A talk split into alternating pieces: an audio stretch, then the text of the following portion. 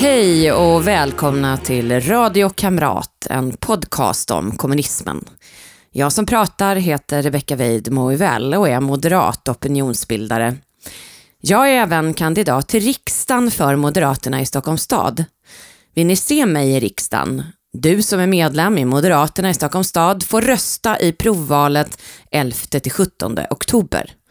Kryssa mig då, helst bara mig, för då ökar mina chanser att komma in. Valet är digitalt i år och jag kommer att sprida länken i alla mina kanaler när den kommer. Syftet med Radio Kamrat är att fylla det hål av kunskap om kommunismens förtryck som finns och som gör att kommunister, trots all fakta, ändå anses rumsrena. Jag vill med poddserien därför folkbilda och kommer att sända varje onsdag till valet 2022. Vill ni som stödjer mitt initiativ om folkbildning om kommunism bidra kan ni swisha till 123 444 5847. Ännu hellre blir ni Patreon på patreon.com och sök efter Rebecca Weidmo väl så hittar ni mig där. Sponsra med 10 kronor per månad och uppåt. Det är lätt att glömma bort hur otroligt många länder som varit kommunistiska diktaturer och hur nära det ändå var för kommunisterna att uppnå den världsdominans som var Sovjetunionens mål allt sedan revolutionen 1917. Och hur otroligt många sympatisörer man har haft framför allt fram till 80-talet. Sverige har verkligen inte varit något undantag. Det, här, det är varför den här poddserien uppstod från första början. Nu är det snart ett år kvar till valet. Planen är att ju närmare valet vi kommer, desto mer kommer jag försöka fokusera på våra egna kommunister. I förra avsnittet pratade jag om Birgitta Dahl med fokus på hennes roll i att stödja kommunister. Idag ska jag lite grann fortsätta på spåret genom att ägna mig åt en grupp som utvecklades ur samma Vietnamrörelse, personer som Birgitta Dahl började sitt politiska engagemang i. Vissa blev mer extrema än andra och en av de allra mest extrema var rebellrörelsen. De ser med skräck hur den växer var dag. De utsugnas organiserade här. De röstar sitt välde med ordning och lag som riktas mot dig, proletär. Arbetarbröder, vi måste skapa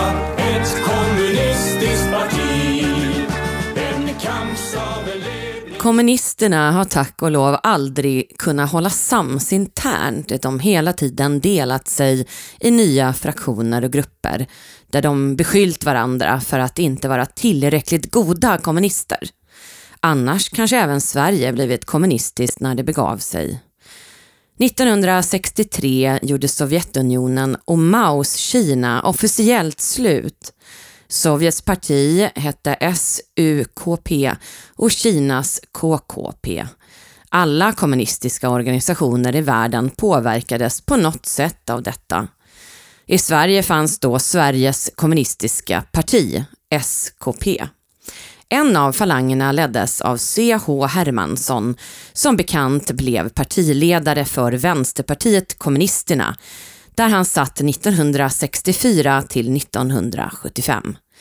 De var mer pragmatiska i den falangen och valde framförallt Socialdemokraterna och utåt sett försökte de ta avstånd från båda. Men som är välkänt finansierades VPK av Sovjet ända fram till järnridåns slut 1989. Däremot valde den falang som styrdes av Nils Holmberg, Mao. Från början var den prokinesiska gruppen numerärt minst, men den växte med tiden. Vietnamrörelsen, vet ni nu som lyssnat på poddserien, grund, la grunden till vänsterns enorma framgång under 60 och 70-talet och lärde Socialdemokraterna hur man organiserar opinionsbildningen genom att fånga upp ungas engagemang i föreningar oavsett vad det handlar om, så länge ungdomarna sympatiserar med vänstern. Idag betalar vi enorma mängder statsbidrag på olika sätt till just det här. Big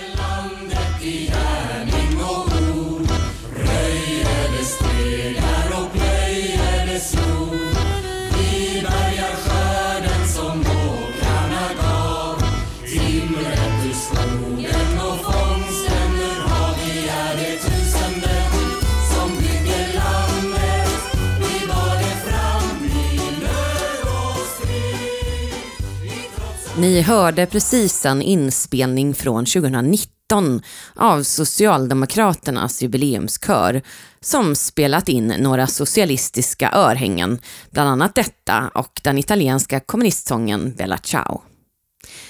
1966 blev den svenska Vietnamrörelsen kanske den mest betydande i Europa. Inte minst på grund av just den sortens fraktionsstrider jag beskrev i inledningen. På 60-talet hade många av Europas kommunistiska partier brutits loss i smådelar och trotskister, stalinister, maoister och luxemburgister etc. bekämpade varandra snarare än andra partier. Medan Vietnamrörelsen blev katalysatorn för svenska vänstern där alla oavsett bakgrund, så länge den var vänster, strömmade till de nya grupperna. FNL-grupperna samt Svenska kommittén för Vietnam.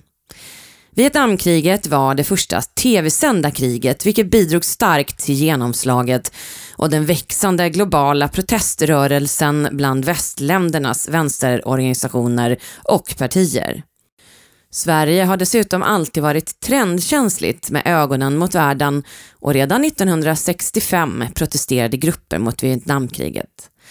Några av dem som var engagerade var Andrea Andrén, ordförande i Svenska kvinnors vänsterförbund. Hon fick medalj av Sovjet 1953, Stalins fredsmedalj. Bertil Svanström, journalist på bland annat Svenska Dagbladet, eh, var en annan person. 1970 fick också han medalj av Sovjet, Lenins fredspris. Som ni snabbt förstår hade Sovjet under denna period som var kalla kriget stort intresse av att protester mot USA ökade. En person som kom att bli central i rörelsen var en, en man vid namn Sköld Peter Mattis. Han var medlem av KPML. 2010 kandiderade han för Vänsterpartiet i valet. Hans protester på Hötorget blev sedermera FNL-grupperna. 1965 bildades Svenska Vietnamkommittén och syftet var att ena olika grupper som arbetade för fred i Vietnam. Ordförande var Steve Jacobson, socialdemokrat. Grunden i hela rörelsen var den växande så kallade fredsrörelsen som även demonstrerade för att vägra värnplikt.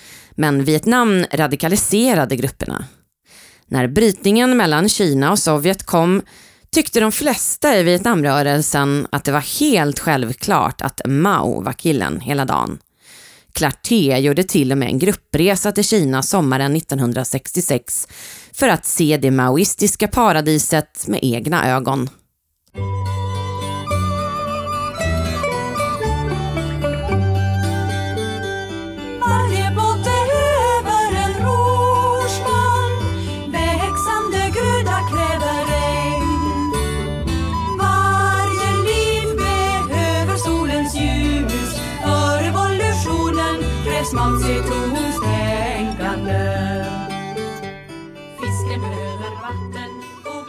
För många var det helt självklart att centrum för revolutionen var det röda paradiset Kina, att världens framtid avgjordes i Peking och Shanghai. Sovjetunionen såg som ett misslyckande.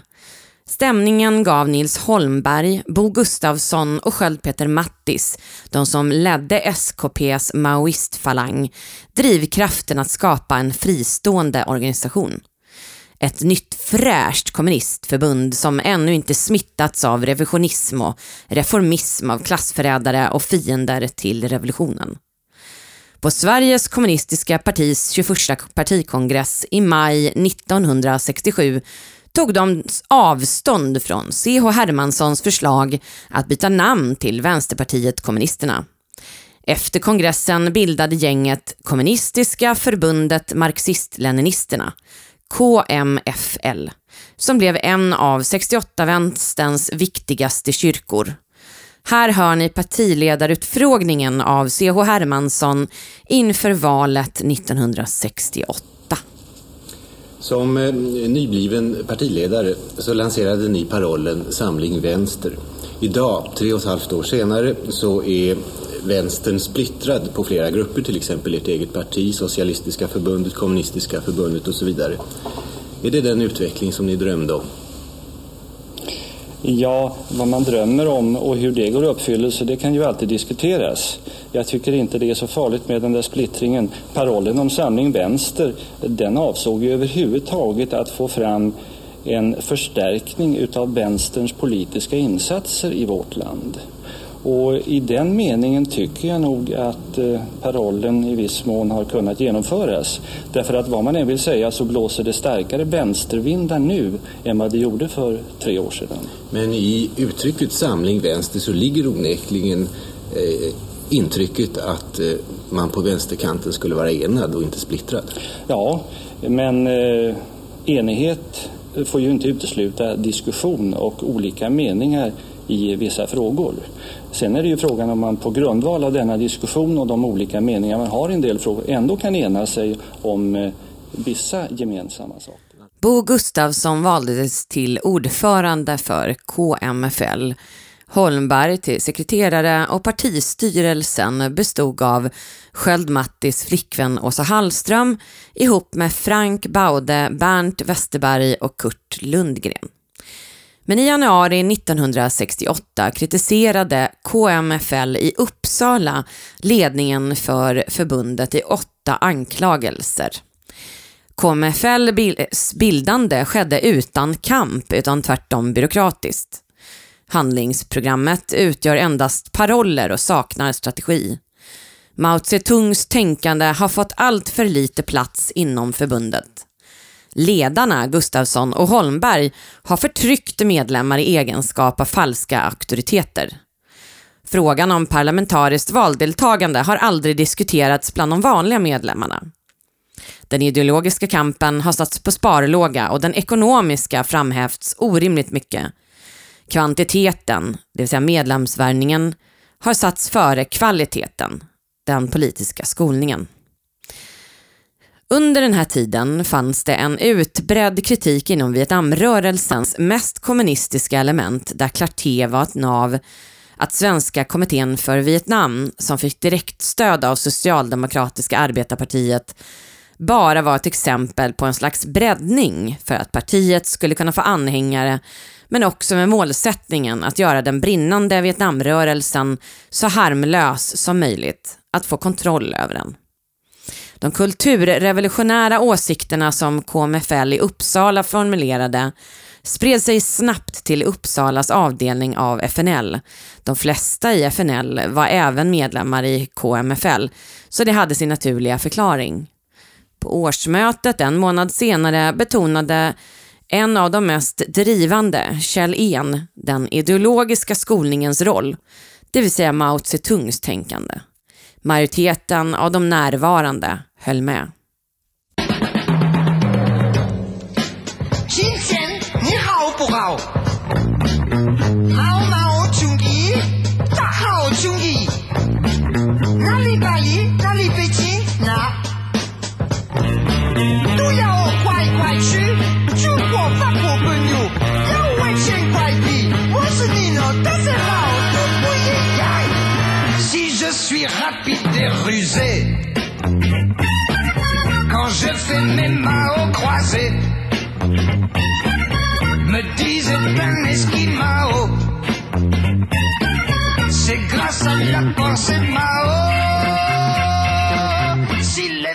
que plaisir d'amour.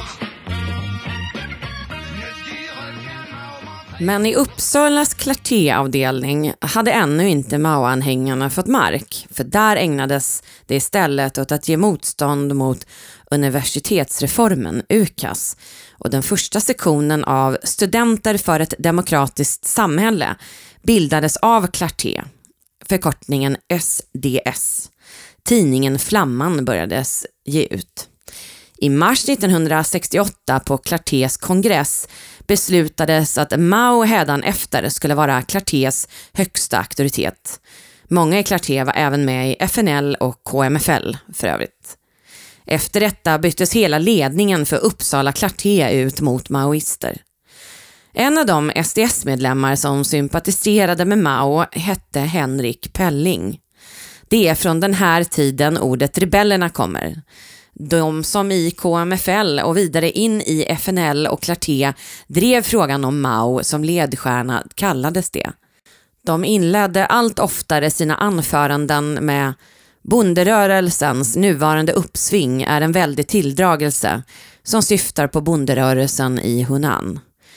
Rebellerna krävde att studentkåren i Uppsalas internationella biståndsfond skulle ge 30 000 till FNL samt att alla arvoden för kårstyrelsen skulle tas bort och även det skänkas till FNL.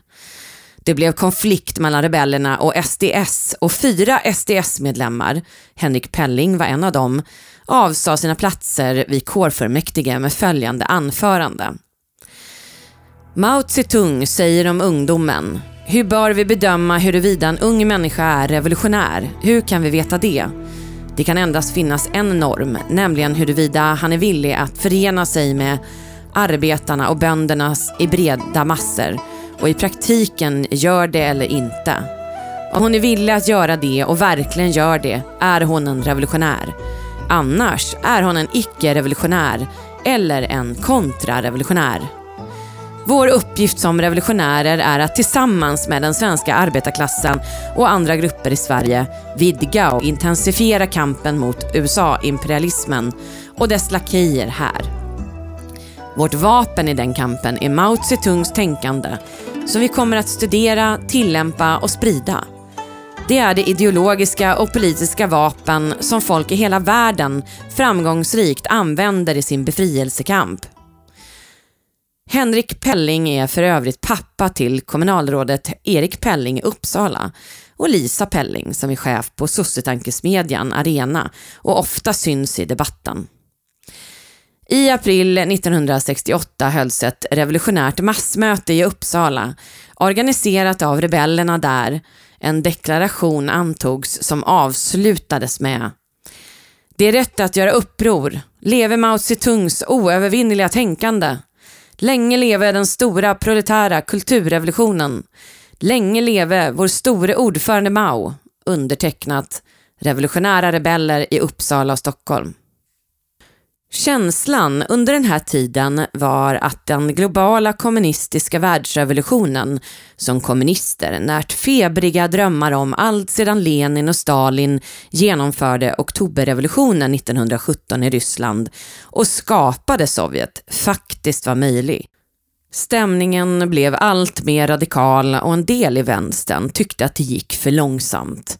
Man ville inte längre hålla på med flygblad, möten, pamfletter och agiterande på små torg. Mao tog makten i Kina i slutet av 40-talet. 1953 infördes jordreformen, samma år som Stalin dog, och 1958 inleddes det stora språnget. 1966 inleddes kulturrevolutionen och det är i den här kontexten som rebellgruppen bildades. Mao såg som den stora visionären och tänkaren efter att den gamla förebilden Stalin dött och de nya ledarna i Sovjet inlett en destalinisering som inte lockade ungdomarna i västs intresse. Journalisten Göran Skytt Hjorte, som själv var en del av en kommunistisk grupp, Förbundet Kommunist, under 65 till 69 i Malmö, vittnar om hur radikalisering grodde i en text på timbro.se från 2018. På ett slutet partimöte, för övrigt hemma hos mig, sjöng några av kamraterna en egen komponerad visa på temat Vi ska hänga borgarna i deras tarmar. Han som komponerat den var ju det civila lärare i en folkhögskola. En slags elit inom kommunisterna i Malmö där Skytte bodde hade börjat studera den danska teoretikern Gottfred Appel vars teori kan sammanfattas Arbetarklassen som helhet lever väl under kapitalismen idag. Arbetarklassen i vår värld som helhet måste beskrivas som en arbetararistokrati som är mutad av kapitalisterna med hjälp av superprofiter från utsugningen av mänsklighetens flertal. Citatet är hämtat ur Torbjörn Säves bok Rebellerna i Sverige. Det här synsättet spred sig sedan till bland annat Uppsala. En grupp inom KMFL drog efter att ha blivit sålda på Appels teorier slutsatsen att det var meningslöst att verka i ett parti. Den mutade arbetarklassen skulle ändå aldrig lyckas övertygas om revolution. De förtryckta folken och nationerna ställer nu sitt hopp till det socialistiska Kina där arbetare och bönder vägledda av Mao Zedongs tänkande befäster sin makt genom den stora proletära kulturrevolutionen. När väl Mao Zedongs tänkande omfattas av alla världens folk blir det en outtömlig styrkekälla och en andlig atombomb av outtömlig kraft. Så stod det på ett flygblad gruppen delade ut 1968.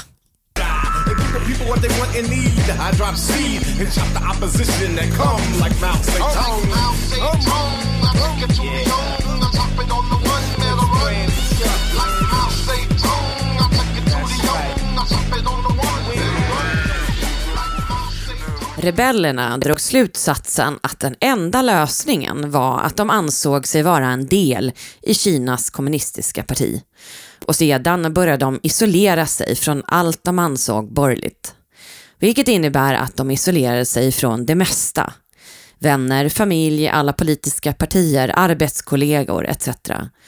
De började bygga upp revolutionära celler i vanliga bostadshus där de införde proletariatets diktatur enligt Maos vision och den pågående kulturrevolutionen i Kina som var samtida i boken om socialismen beskrev Armas Lappalainen, en av ledarna i rebellrörelsen, hur de levde.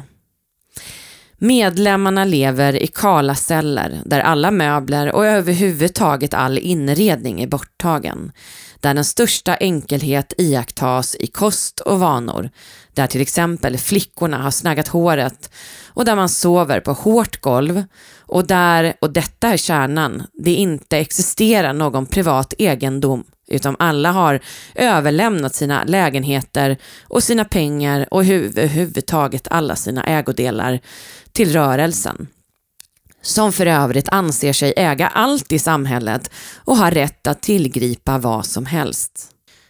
Just idén om att en kommunist har rätt att ta vad man vill och stjäla vem som helst egendomar är tyvärr en kärna i kommunismen. Han beskriver också i boken olika händelser, bland annat när en rebell i Stockholm får en häftig gråtattack över eh, hur korrupt och antirevolutionärt svin han är och ber de övriga döda honom. Vilket de också tycker är en bra idé, så ledarna körde ut honom i skogen, band honom vid ett träd för att sticka honom med medtagna knivar, men blir avbrutna av slumpen. En polisbil råkar komma i närheten, så de fejkar snabbt att alla tre sitter och läser Maus lilla röda vid trädet och polisen åker förbi. Rebellerna styrde sekten som en diktatur.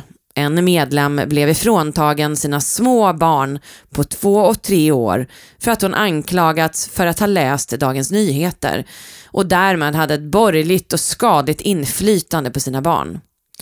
Hon själv fick husarrest ihop med studier av Maus lilla röda. En vakt vaktade henne hela tiden, inklusive när hon gick på toa. Där man för övrigt använde just Dagens Nyheter som toapapper. Men så kom alltså celldelningen och det var, det var, vi träffades på Ringvägen 19 och sen fick vi lappar till en adress. Och för min del så skulle jag göra det, jag skulle cykla till den adressen och jag blev lovad att eh, efter det så skulle jag träffa barnen för vi skulle vara tillsammans. Så att det var inga problem. Jag cyklade iväg och det var borta på Söder någonstans, dit kom vi. För där skulle, jag ju, där skulle ju barnen vara. Men det var tomt. Det var, fanns inte någon människa där och jag blev panikslagen. Och, och, och, då hade jag ingen möjlighet att nå någon eftersom jag inte visste var folk var. Så jag cyklade tillbaka till varenda tillhörighet jag hade och sen började jag säga att jag måste träffa barnen, jag måste det. Det är självklart, ni kan inte låta mig bara men då förklarade de för mig att jag hade ett borgerligt inflytande på mina barn och att de måste finnas i en annan cell.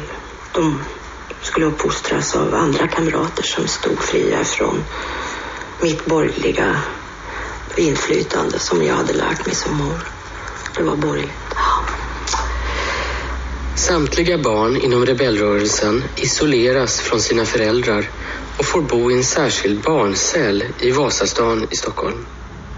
Klippet ni precis hörde kommer från dokumentären om rebellerna som sändes i SVT och sedermera i Sveriges Radio 1997. Hon träffade sina barn en gång under den här tiden hon var med i rebellrörelsen, då på Frejgatan när folk skulle tvätta. Hon grät, de grät och hon tänkte att nu springer jag, men barnen togs ifrån henne. En av ledarna hette Francisco Sarion, en spanjor som påstods ha varit i Kina innan han landade i Uppsala och där lyckades via Clarté bli helt ledande i rebellrörelsen på kort tid. Under hans ledning utfördes en rad så kallade rättegångar mot misshagliga sektmedlemmar. Han kallades den ofelbara. Rättegångarna gick ut på att den anklagade sattes i mitten av en ring och alla andra satte sig runt omkring och ägnade sig i timmar åt att bryta ner personen psykiskt genom att tala om hur dålig han eller hon var. En annan ledare hette Hans Seiler. Han berättade om en medlem, Anna. Vi ansåg att hon var folkets fiende och därmed hade hon förverkat alla sina rättigheter. Vi bestämde över hela hennes jag. Det var inte självklart att hon skulle få mat eller gå på toaletten och vi kunde sitta i dagar och kritisera henne. När hon till slut försökte att göra avbön anklagade vi henne för att fly undan straff. Hon hade ingen utväg. Hon bröt ihop och började gråta. Sen började vi om igen. Gruppen besökte andra vänstergruppers möten och försökte värva och infiltrera. De läste högt ur Maos lilla röda på tunnelbanan och knackade dörr för att sprida den rätta läran bland det av kapitalismen förslavade folket. Under dagslånga möten studerade sektmedlemmarna Maos lära och folk sa upp sig för att på heltid ägna sig åt kampen. De var en del av kulturrevolutionen, fast i Sverige. Under möten så eldade till exempel sektens ledare upp gruppmedlemmars hela boksamlingar framför de andra. Allt var för borgerligt. Allt var fascism. Det enda bra var Mao.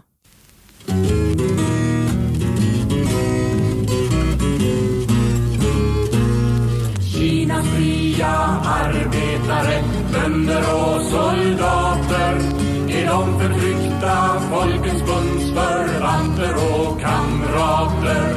En förebild är för kampen vi skall föra vill imperialisterna till varje pris förgöra. Allt eskalerade snabbt. Alla medlemmar klippte håret jättekort och man införde obligatorisk morgongymnastik inspiration av Mao som snabbt blev vapenträning med attrapper i Rålambshovsparken. Man skanderade slagord som vakna, eniga, uppriktiga. Men när man ändå började inse att den svenska revolutionen var rätt långt borta började sekten istället att vända sig inåt för att de skulle kunna träda fram och leda när revolutionen var genomförd som en spjutspetskompetens i det kommunistiska paradiset. Den 29 maj 1968 beslutade ledningen att man skulle gå under jorden. Hundra personer i Stockholm framförallt flyttade in i små hemliga kollektiv, celler. Varje liten cell hade en ledande kamrat.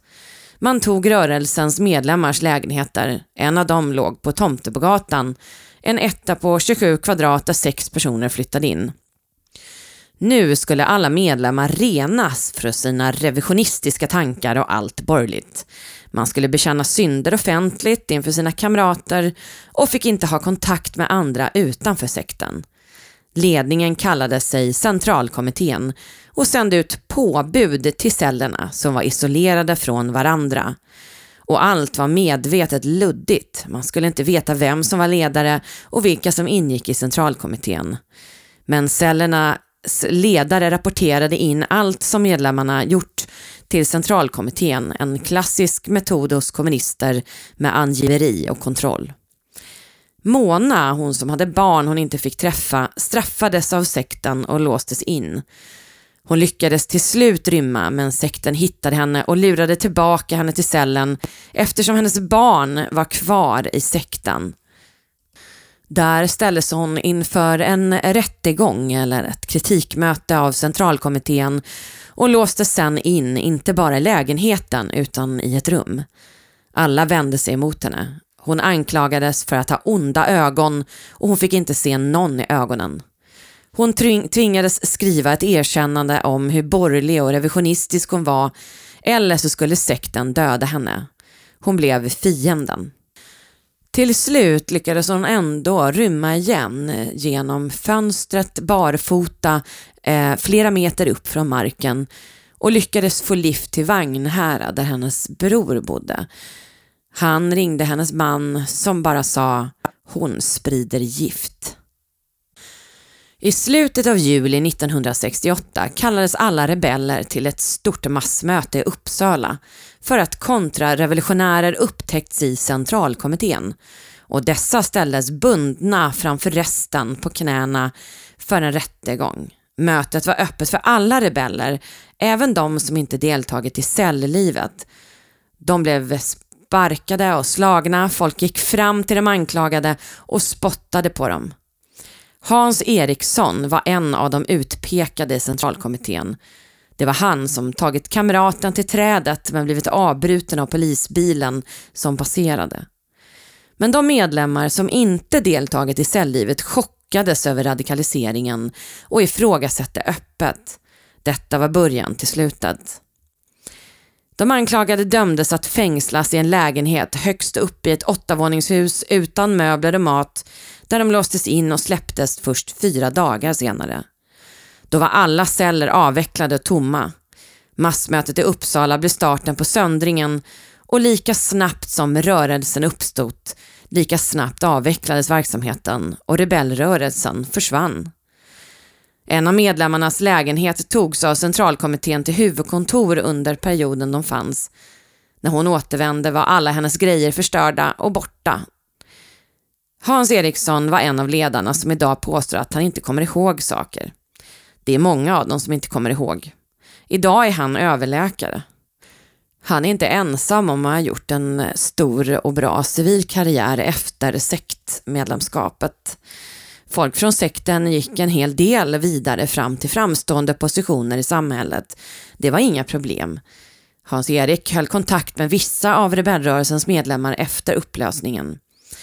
Men en del av de före detta medlemmarna bröt samman, sökte sig till psykiatriska kliniker och en begick självmord. Några andra sökte sig till andra länder, bland annat Spanien.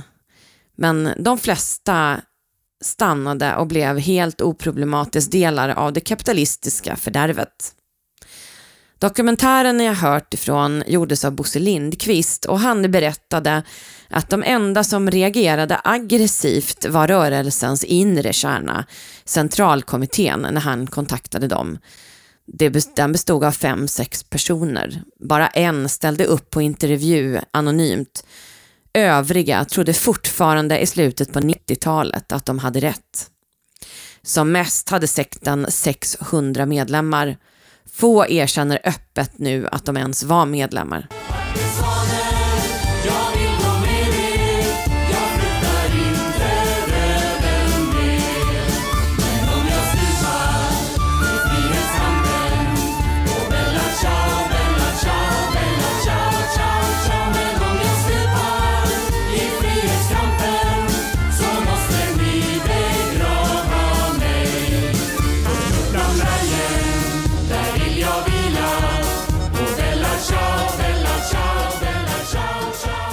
Det var allt för den här gången.